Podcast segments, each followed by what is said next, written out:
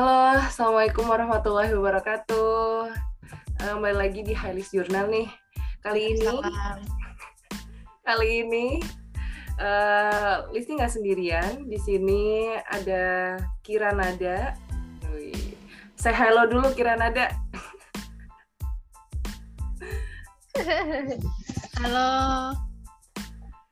Panggilannya siapa nih? Aku manggil Kira atau Nada? Lebih nyaman dipanggil siapa? Boleh dipanggil Kira aja. Biasanya aku dipanggilnya Kira sih. Oh, Kira. Oke, halo Kira. Gimana kabarnya Kira? Halo Mbak, Alhamdulillah baik. Mbak Listi gimana? Aku juga alhamdulillah baik. Hmm, ini Kira lagi di daerah mana nih sekarang? Lagi di Jakarta. Yang di Jakarta. Kalau Jakarta sendiri sekarang cuacanya gimana? Mendung? Lagi pancaroba sih. Kayak, kayak peralihan dari hujan ke kemarau. Jadi hujan tapi panas gitu. Iya bener-bener. Di sini juga gitu. Hmm. Dan itu tuh bikin pusing. Ya, Bikin pusing. ya musim meriang bener-bener. Iya. Tapi kondisi sehat ya tadi ya, alhamdulillah ya. Alhamdulillah. Sehat-sehat. Oke, teman-teman semuanya, ini Kira. Kira ini seorang penulis. Ya. Mungkin yang kalian aktif di Wattpad tahu ya. Barangkali salah satu followersnya bahkan. Kira Nada. Oke, Kira sebelum memulai ya perbincangan kita, aku mau nanya dulu. Kira itu main Wattpad udah berapa tahun nih? Eh, aku mulai bikin akun Wattpad itu kan tahun 2014 tapi kalau mulai aktif nulis tuh 2016 jadi sekitar kelas 3 SM, SMA udah lima tahun sih berarti kira-kira Wow. nulis di Wattpad lumayan lama ya. Itu lima tahun tuh berarti bener-bener kayak tiap hari kamu buka atau gimana sih untuk mengkonsistenkan itu semua? Hmm, mungkin kalau tiap hari iya karena dia ada di aplikasi handphone kan. Jadi iya aku buka tiap hari. Cuman eh, awalnya aku jadi pembaca dulu terus lama-lama eh, waktu kenal ada oh ternyata bisa bikin cerita di sini dan segampang itu. Terus mulai suka tertarik sama fiksi kan akhirnya coba-coba untuk bikin cerita di Wattpad eh berlanjut sampai sekarang gitu. Oke, pasti kalau misalnya gini nih, dari pengalaman aku pribadi ya Nat, ketika mau nulis di Wattpad, itu pasti ada aja halangan yang entah idenya buntu, entah kayak banyak banget agenda yang di dunia nyatanya, kayak gitu kan. Nah, gimana cara kamu pertama kali nulis sampai akhirnya, nih aku harus lanjutin ceritanya sampai selesai. Itu gimana?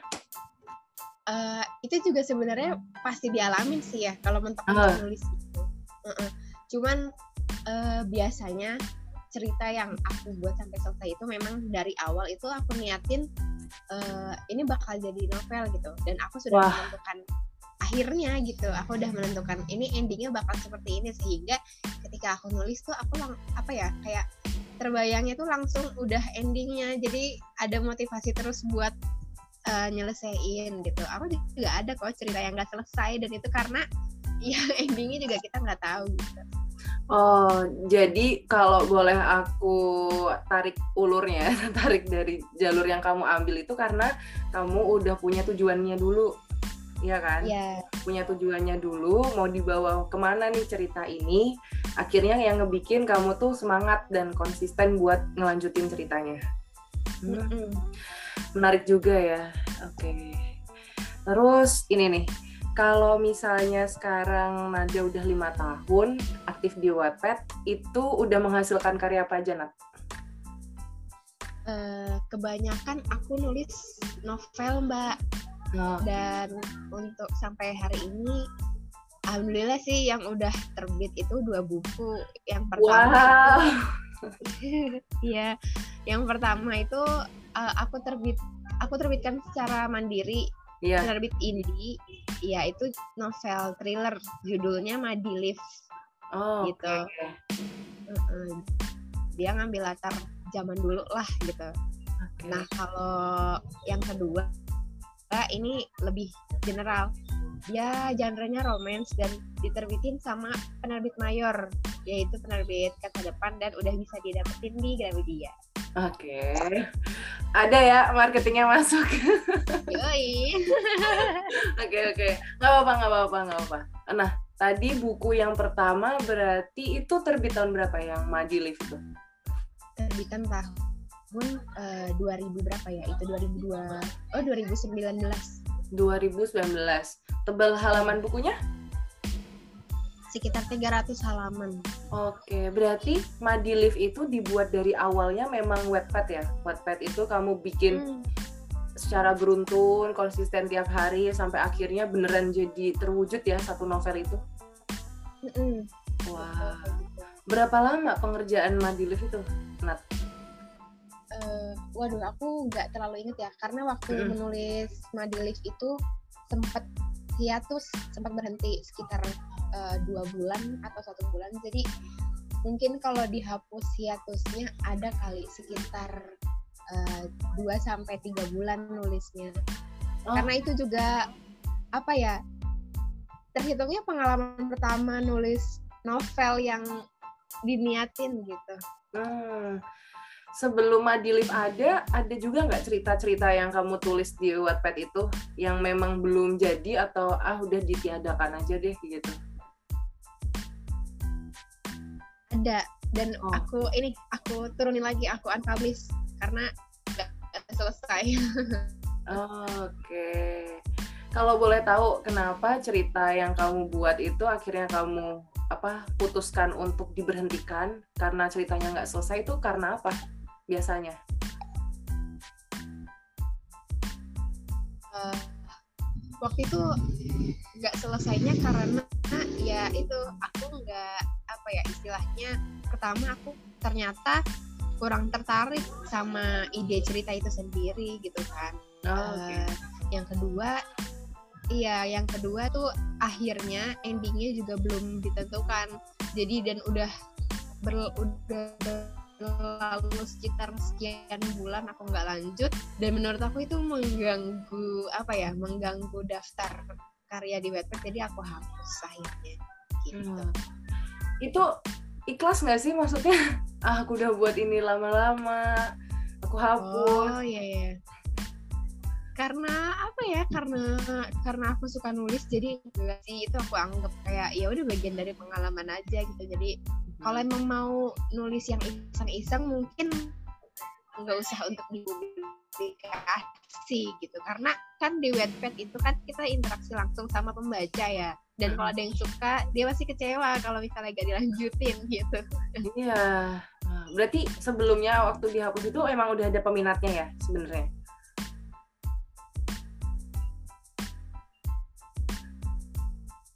Ah, kenapa agak putus-putus mbak maaf ya. Enggak, nggak apa-apa. Sebelum dihapus, itu tuh berarti memang udah ada peminatnya sebenarnya itu.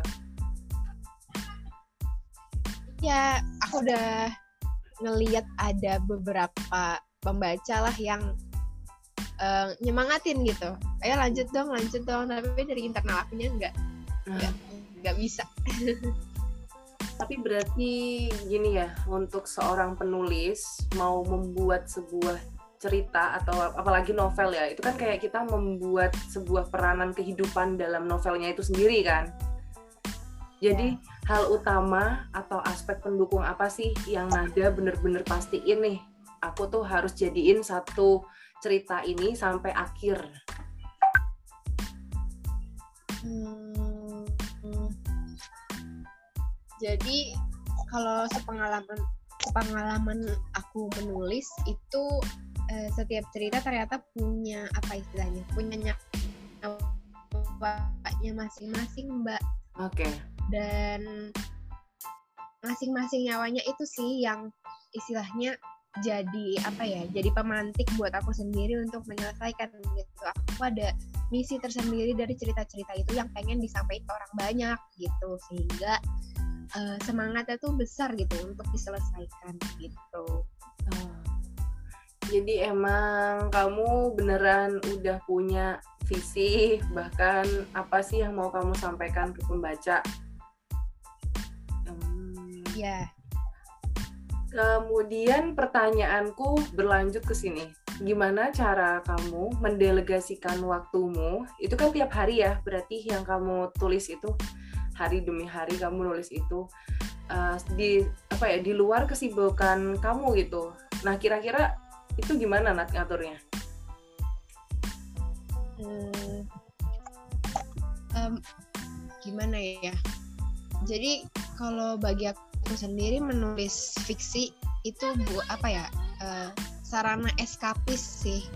Jadi ketika aku misalnya dari pagi sampai uh, jam sekian itu fokusnya kerja, aku pasti kan ada masa stresnya di situ ya dan aku yeah. kayak nyuri-nyuri waktu yeah. untuk uh, semacam ngecas lagi gitu dengan menulis uh, bab per bab itu gitu atau uh, mungkin di malam hari atau ketika pagi-pagi banget sebelum subuh gitu itu waktu yang paling enak buat nulis juga sih buat aku gitu sih intinya jadi kayak semacam uh, nyari waktu di sela-sela kesibukan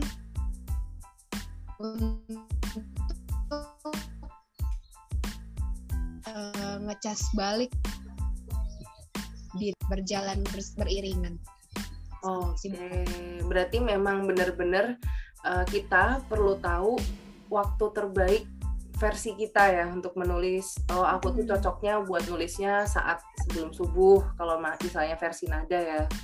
Oh, kalau aku nih ternyata nggak bisa kalau malam-malam pas yeah. ini dibuat begadang nggak bisa. Nah, berarti dikembalikan ke ya berarti nggak jauh-jauh sama kita harus ngerti dulu ya. Maksudnya enaknya kita tuh belajarnya waktu betul, kapan. Nah, sama halnya kayak menulisnya iya, waktu bener. kapan. Agak ini ya, agak jadi PR banget kalau untuk orang-orang yang dia belum tahu. Maksudnya gimana? Aku tuh harusnya uh, apa ya? meluangkan waktu untuk nulis, gimana waktuku terbaik untuk belajar gitulah. Aku bisa itu hmm. PR banget sih buat buat teman-teman semuanya ya. Kalau misalnya belum, ayo kita sama-sama cari kenali diri gitu.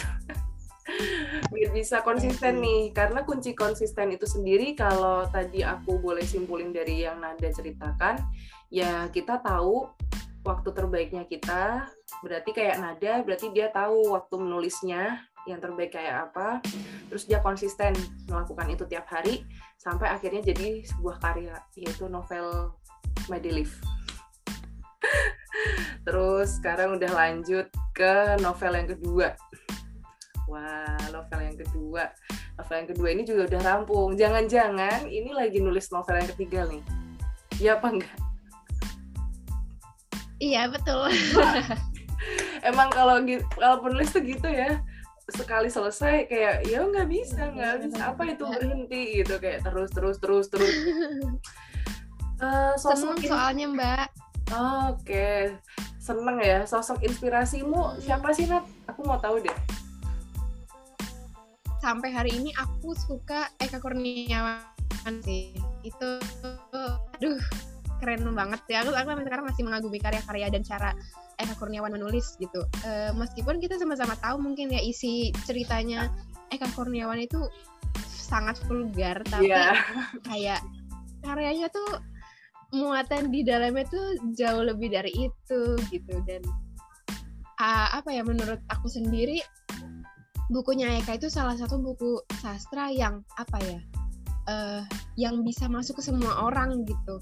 Hmm. tapi juga nggak jadi nggak jadi turun derajat istilahnya gitu. Jadi keren banget sih Eka Kurniawan. Inspirasi aku saat ini masih Eka Kurniawan. Oke, berarti dari dulu sampai sekarang memang itu ya uh, Eka Kurniawan itu ya? Kebetulan ketemu Eka Kurniawan, emang eh, saya mengenal uh, karya Eka Kurniawan waktu mahasiswa. Jadi baru sebelum-sebelumnya uh, penulis luar sih. Tapi mungkin itu karena aku baru nemu ya udah buku dia gitu yang aku suka. Rick Riordan. Sampai sekarang aku masih suka bukunya Rick Riordan. Tapi kalau tapi satu buku itu aja satu seri itu aja gitu nggak sampai ke kamu bukan tipikal orang yang suka hunting A hunting B kayak yang banyak dikoleksi terus kamu banding bandingin gitu nggak ya belum sih belum ada kesempatannya kayaknya buat beli buku banyak banyak Nanti mungkin. Amin. Semoga ini ya lancar rezekinya ya buat beli-beli itu semua. Amin. Amin. Terima kasih Mbak Listi. Oke. Okay. Semoga doanya berbalik. Amin. Aku jadi pengen baca buku yang Madilif itu deh. Boleh diceritakan sinopsisnya dikit nggak, Nat? Uh, boleh, boleh. Jadi Madilif ini tuh uh, sederhananya premisnya tentang seorang anak remaja laki-laki uh, istilahnya terjerumus ke rumah sakit jiwa di latar tahun 1972 dan ternyata di rumah sakit jiwa itu ada uh, sebuah misteri uh, yang kok setiap waktu dari waktu waktu anak-anak di sini tuh hilang terus gitu. Oh ya rumah sakit jiwa itu kan khusus untuk anak remaja. Iya mm-hmm. dan di dalamnya ada istilahnya misteri gelap yang uh, harus di uh, apa namanya diselesaikan gitu. Oke, berarti uh, apa ya?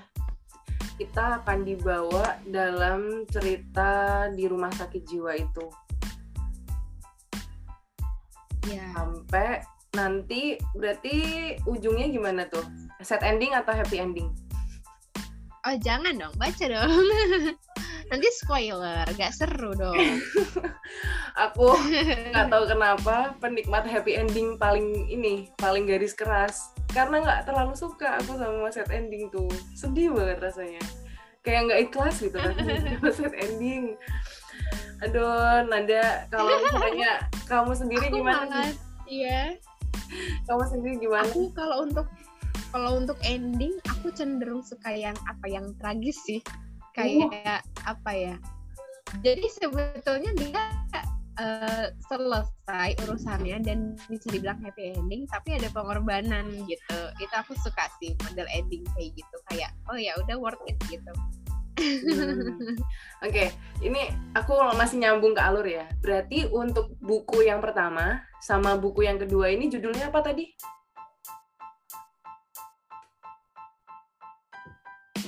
buku yang kedua buku yang kedua ya ya judulnya apa buku yang kedua judulnya mari jangan saling jatuh cinta oke okay.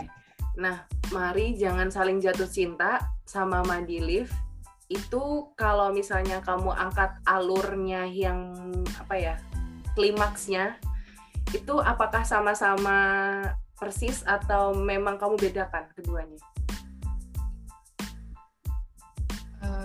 aku bedain sih karena dari genre juga dia udah jauh yang Madilif itu thriller uh-uh.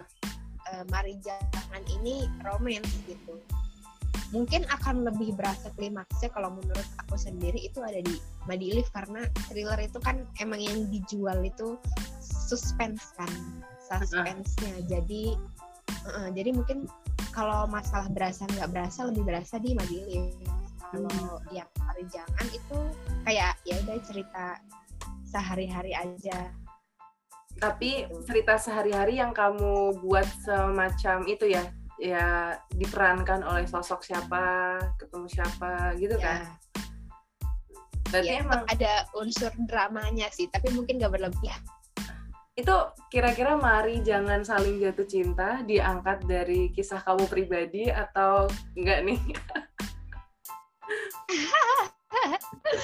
uh, beberapa ada sih. Oke. Okay. Beberapa beberapa ada yang terinspirasi dari kejadian kisah romansa aku kali gitu ya. Tapi kalau dari keseluruhan cerita enggak. Oh, itu bener. pahit sih kalau sampai terjadi soalnya. Okay. sampai terjadi deh orang-orang kasihan soalnya. Soalnya gini, saat kamu menentukan itu ya cerita alurnya Mari Jangan Saling Jatuh Cinta, itu kamu biasanya membayangkan apa sih? Apakah hasil dari referensi yang kamu baca atau emang kamu suka ngide aja ini kayaknya seru nih kalau kejadian kayak gini? Atau gimana sih Nat untuk ngebuat itu semua? Uh, jadi sebenarnya agak unik ya Mari Jangan Saling Jatuh Cinta itu inspirasi cerita ide ceritanya tuh dari game Mbak Listi tahu game ini nggak? Game The Sims. Tahu tahu.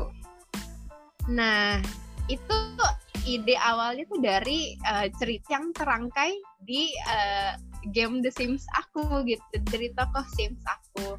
Cuman uh, ketika aku mulai menulis itu ada apa ya yang lebih banyak uh, ngasih pengaruh ke yang saling cerita itu, itu kayak cerita model apa ya uh, ada apa ADC terus yeah.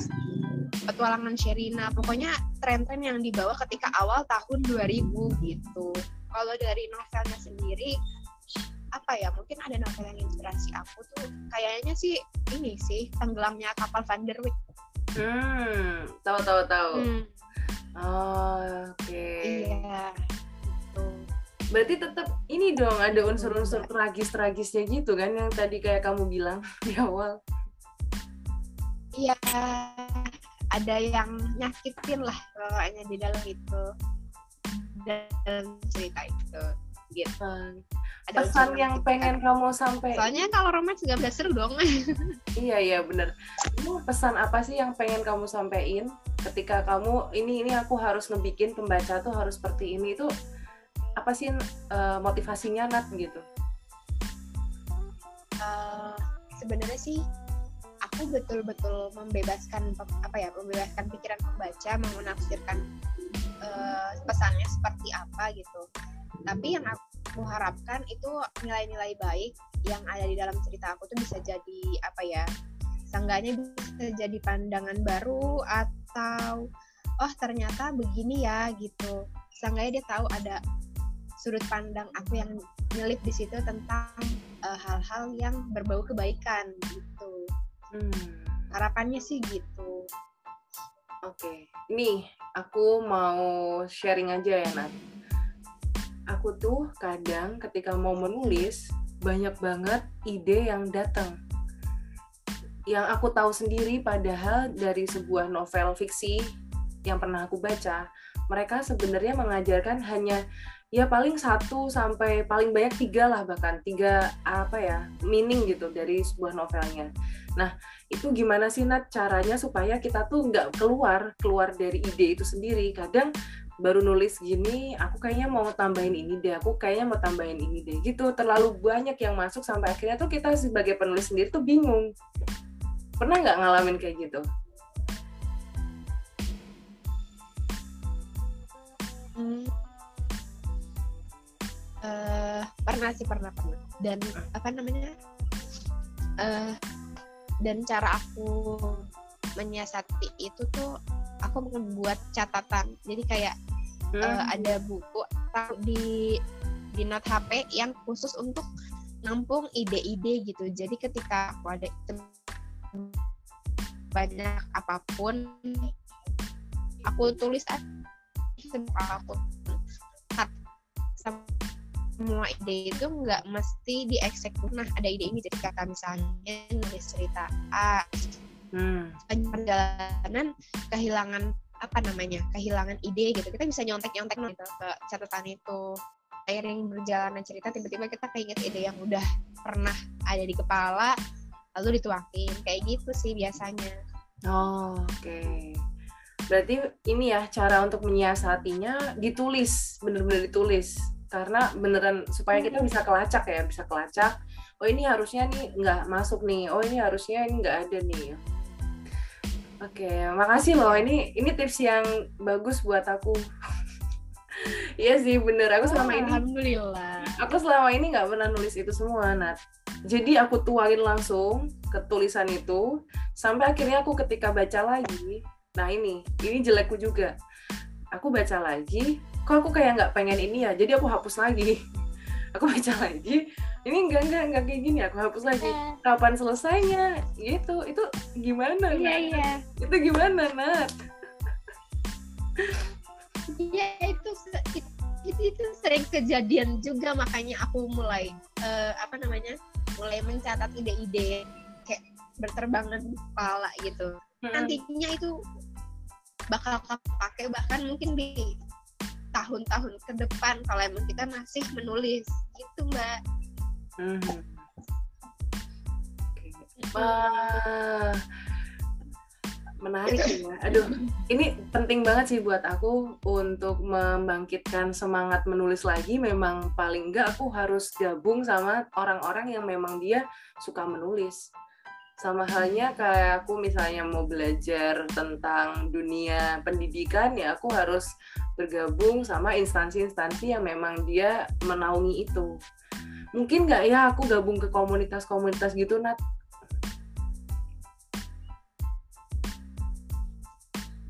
mungkin lah mbak kenapa enggak dicoba aja kalau memang tertarik iya kadang kayak gimana minder gitu. Ih teman-teman aku konsisten banget nulisnya. Wah dia udah udah ini nih udah publish karyanya gitu nat.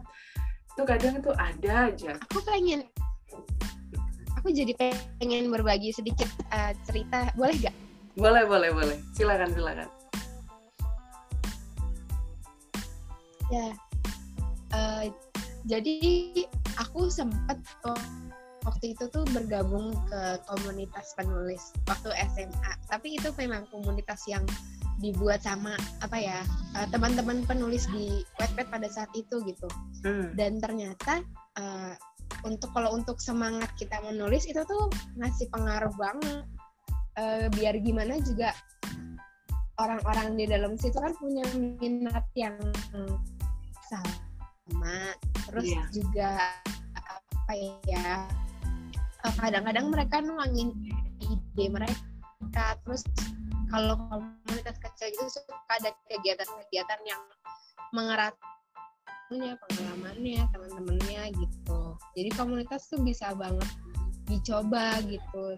Kalau sekarang sih aku nggak ikut komunitas tapi uh, lebih ke lebih ke membangun uh, relasi teman-teman penulis gitu. Oke. Okay. Ini juga apa ya?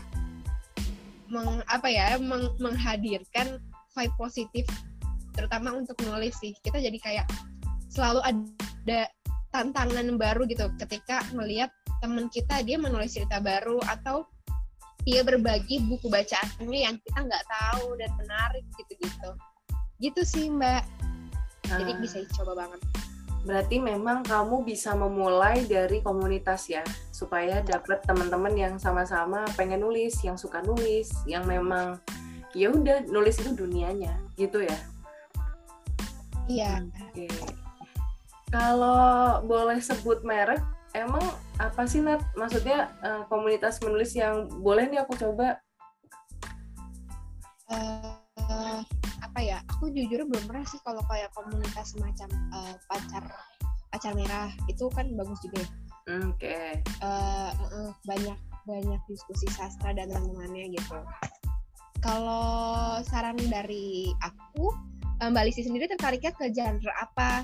Kalau misalkan Mbak Lisi tertarik ke genre fantasi itu aku menyarankan ada uh, komunitas namanya PNFI itu hmm. aku sendiri menurut aku sendiri itu komunitas yang bagus untuk teman-teman yang uh, senang baca dan nulis fantasi gitu. Kalau untuk romance religi, aku belum juga sih komunitas yang apa ya yang bisa aku rekomendasikan gitu. Mungkin Mbak Listi bisa coba-coba cari. Oke. Siap. Ini aku beneran ini loh nambah semangat terus nih Nat. Kalau misalnya aku beneran ketemu sama teman-teman yang punya semangat buat nulis juga. Yeah. karena mungkin sejauh ini aku nggak nulis maksudnya berhenti nulis bahkan. Itu ya karena aku nggak punya lingkungan kayak gitu. Nggak punya temen yang sama-sama pengen ke situ arahnya. Iya kan ya? Bisa jadi kan? Iya. yeah support juga penting sih memang. Bismillah ya Allah, emang kembali lagi sih karena kenapa aku tuh sebenarnya pengen banget ngangkat cerita apa ya menulis ini karena aku pernah dengar ikatlah ilmu dengan tulisan. Dan itu tuh benar gitu.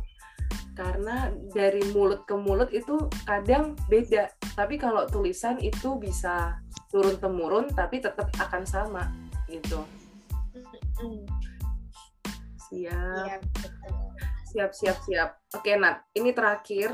Uh, aku minta dari pengalamannya Nada aja. harapan Nada untuk ke depannya dari Nada sendiri sebagai seorang penulis itu kayak apa? Terus nanti boleh kasih pesan buat teman-teman yang memang pengen nih untuk terjun membagikan ilmunya dari menulis.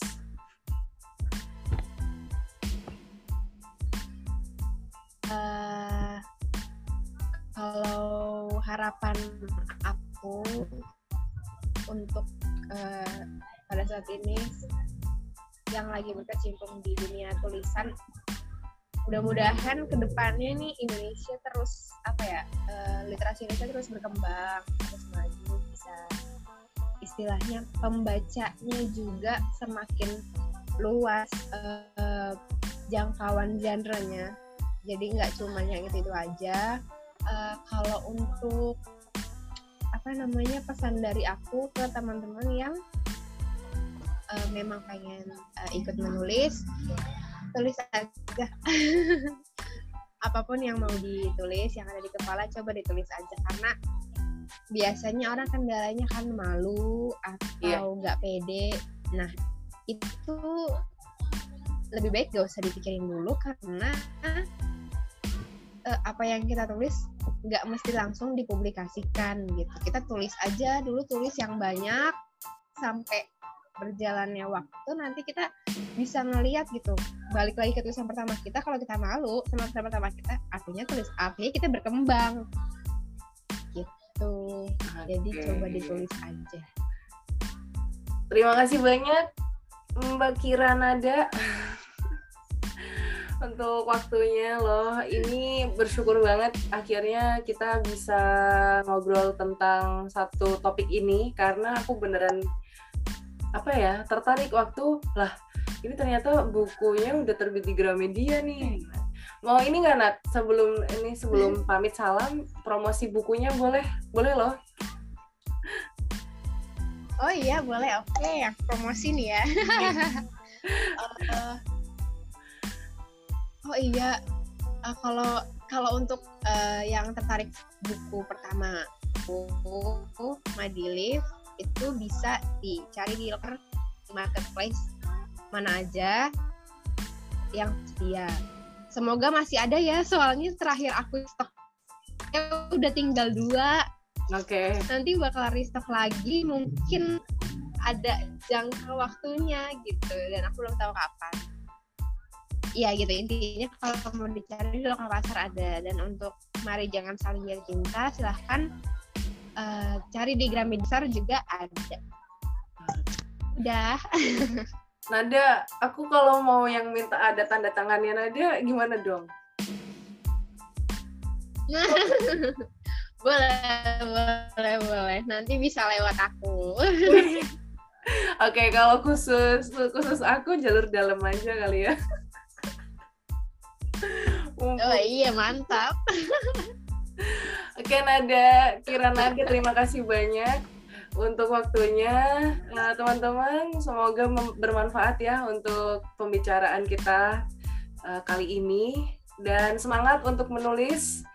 Kita bisa gabung komunitas untuk nambah semangat lagi nih supaya kita bisa menghasilkan karya kayak uh, Teteh Kiranada ini. Oke kalau gitu saya tutup ya uh, diskusi kita. Terima kasih untuk Teh Kira. Wassalamualaikum warahmatullahi wabarakatuh. Sampai jumpa.